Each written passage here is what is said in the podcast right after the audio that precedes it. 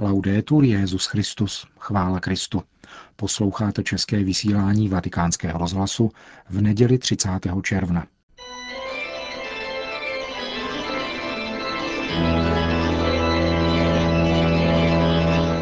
Církev a svět. Náš nedělní komentář. Připravil Milan Glázer.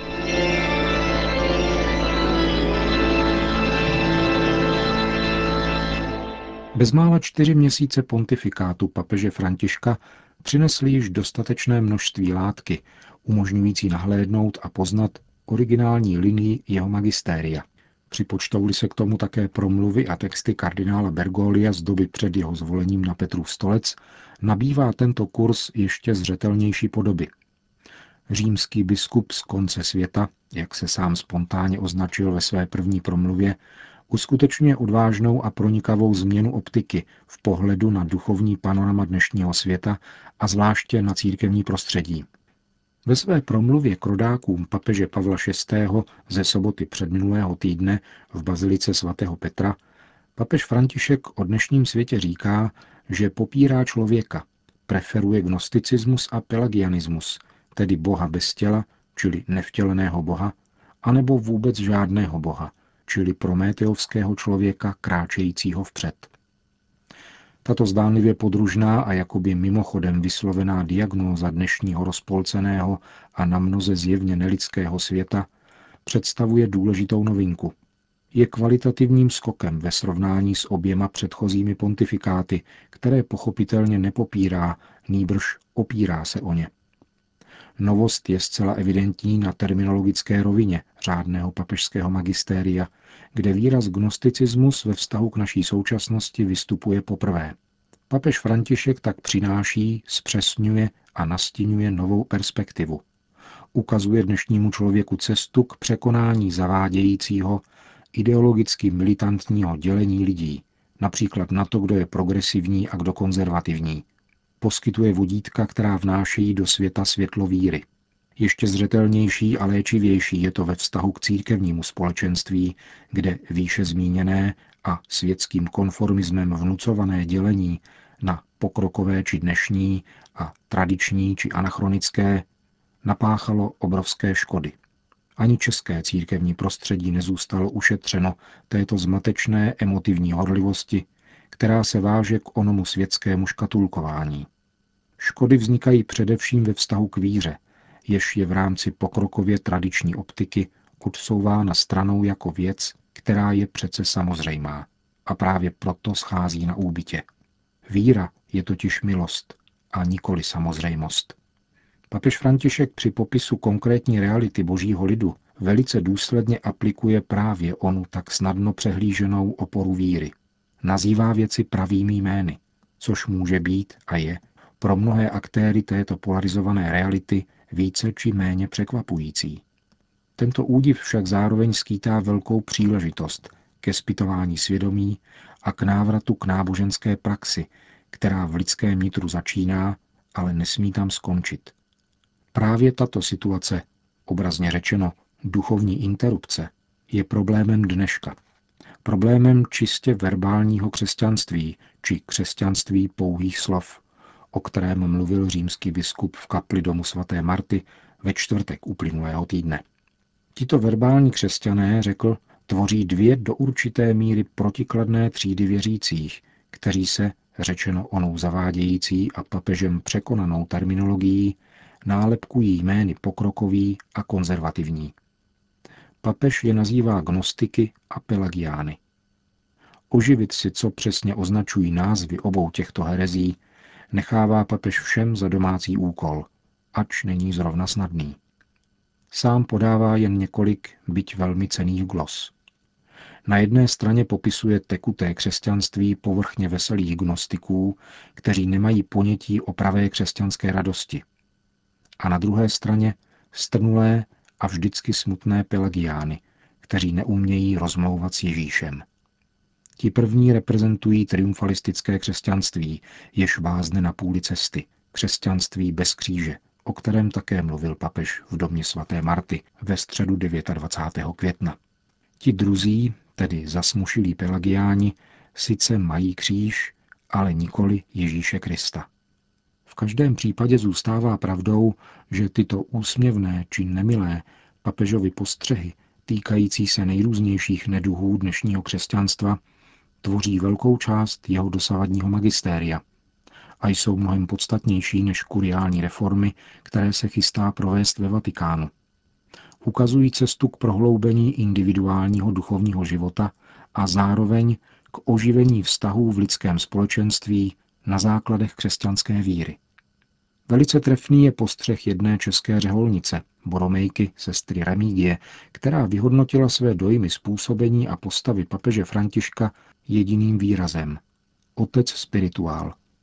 Tento specializovaný církevní termín označuje veřejnou instanci duchovního vedení určeného určité skupině věřících, například studentům kněžského semináře.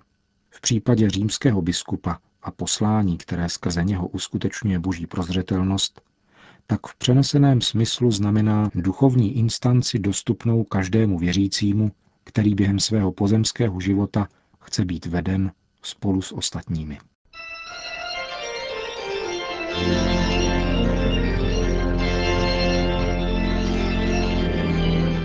Slyšeli jste náš nedělní komentář Církev a svět.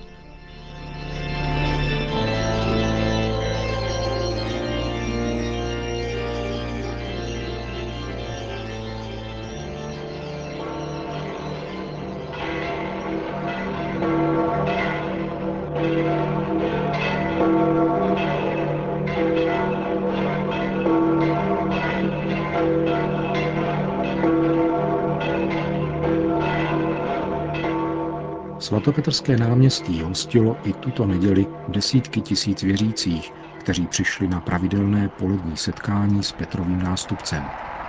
Papež František začal svou promluvu před modlitbou Anděl Páně jako obvykle. Cari fratelli e sorelle, buongiorno. Dobrý den, drazí bratři a sestry. Il Vangelo di questa domenica mostra un passaggio molto importante nella vita di Cristo. Evangelium této neděle podává jednu velmi důležitou epizodu z života Kristova. Chvíli, ve které se, jak píše svatý Lukáš, pevně rozhodl jít do Jeruzaléma. Jeruzalém je konečný cíl, kde má Ježíš během své poslední paschy zemřít a vstát z mrtvých a tak naplnit svoje poslání spásy. Od té chvíle, po tomto pevném rozhodnutí, Ježíš míří přímo k cíli. A také těm, které potká a kteří jej prosí, aby ho mohli následovat, říká, jaké jsou podmínky. Nemít stálé obydlí, umět se distancovat od lidských citů a neupadat do stezku po minulosti. Ježíš však také svým učedníkům, které pověřuje, aby jej předcházeli do Jeruzaléma a oznamovali jeho průchod, říká, že nemají nikoho k ničemu nutit. Pokud nenajdou ochotu k jeho přijetí, mají pokračovat a jít dál.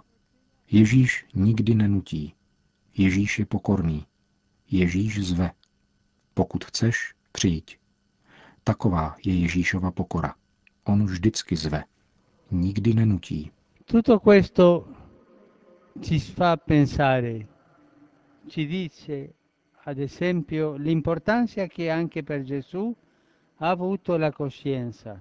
To všechno nás přivádí k zamyšlení. Poukazuje to ku příkladu na váhu, kterou Ježíš přikládal svědomí, naslouchání Otcovu hlasu v srdci a jeho následování. Ježíš ve svém pozemském životě nebyl, řekněme, dálkově řízený.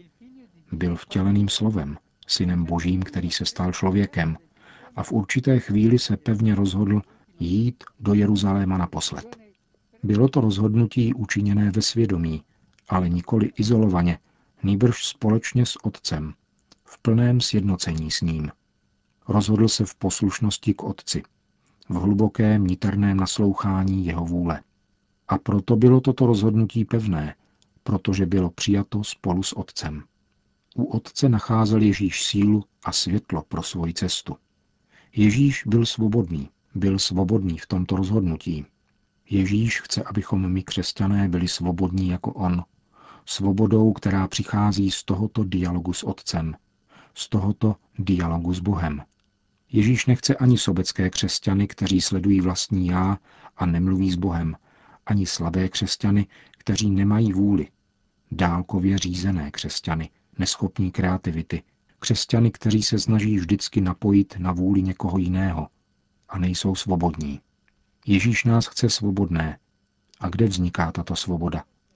Vzniká v dialogu s Bohem ve vlastním svědomí.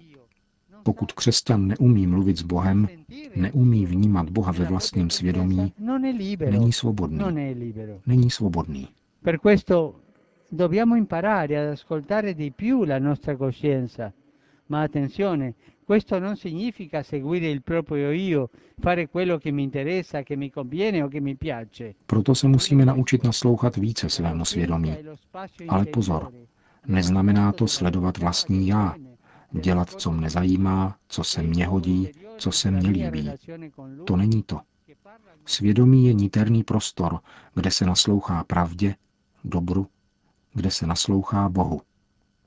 Je to niterné místo mého vztahu k němu, který promlouvá k mému srdci a pomáhá mi rozlišovat, chápat cestu, kterou se mám ubírat a jakmile se rozhodnu, tak vykročit, jít a zůstat věrný.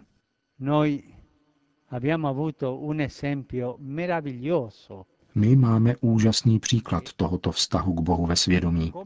Nedávný a úžasný příklad. Dal nám jej papež Benedikt XVI.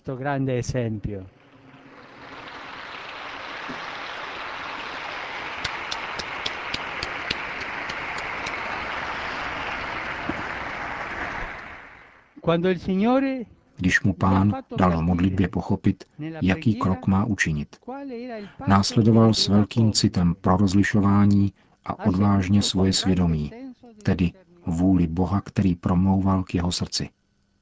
A tento příklad našeho Otce velmi dobře prospívá nám všem jako následování hodný příklad. La Madonna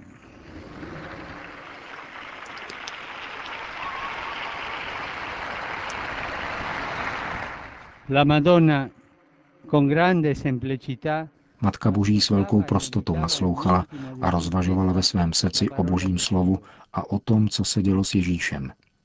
Následovala svého syna s niterným přesvědčením a pevnou nadějí. Pomus nám, Marie, abychom se stávali stále více muži a ženami svobodnými ve svědomí, protože ve svědomí dochází k dialogu s Bohem – muži a ženami schopnými naslouchat Božímu hlasu a rozhodně jej následovat. Po hlavní promluvě papež František připomněl den papežské charity, který připadl na tuto neděli. Děkuji biskupům a všem farnostem, zvláště těm nejchudším, za modlitby a oporu, kterou poskytují mnoha pastoračním a charitativním iniciativám Petrova nástupce ve všech částech světa in ogni patria del mondo. Grazie a tutti. Na závěr papež požádal o modlitbu za sebe a popřál všem hezkou neděli a jako obvykle také dobrou chuť k obědu. Ještě předtím však Petrův nástupce udělil apoštolské požehnání.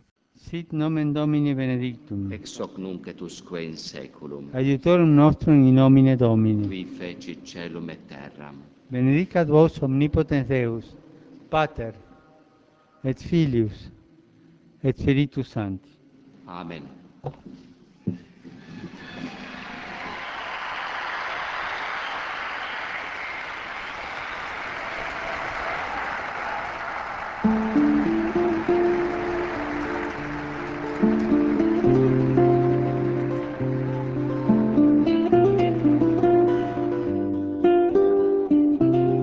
Končíme české vysílání vatikánského rozhlasu. Chvála Kristu. Laudetur Jezus Christus.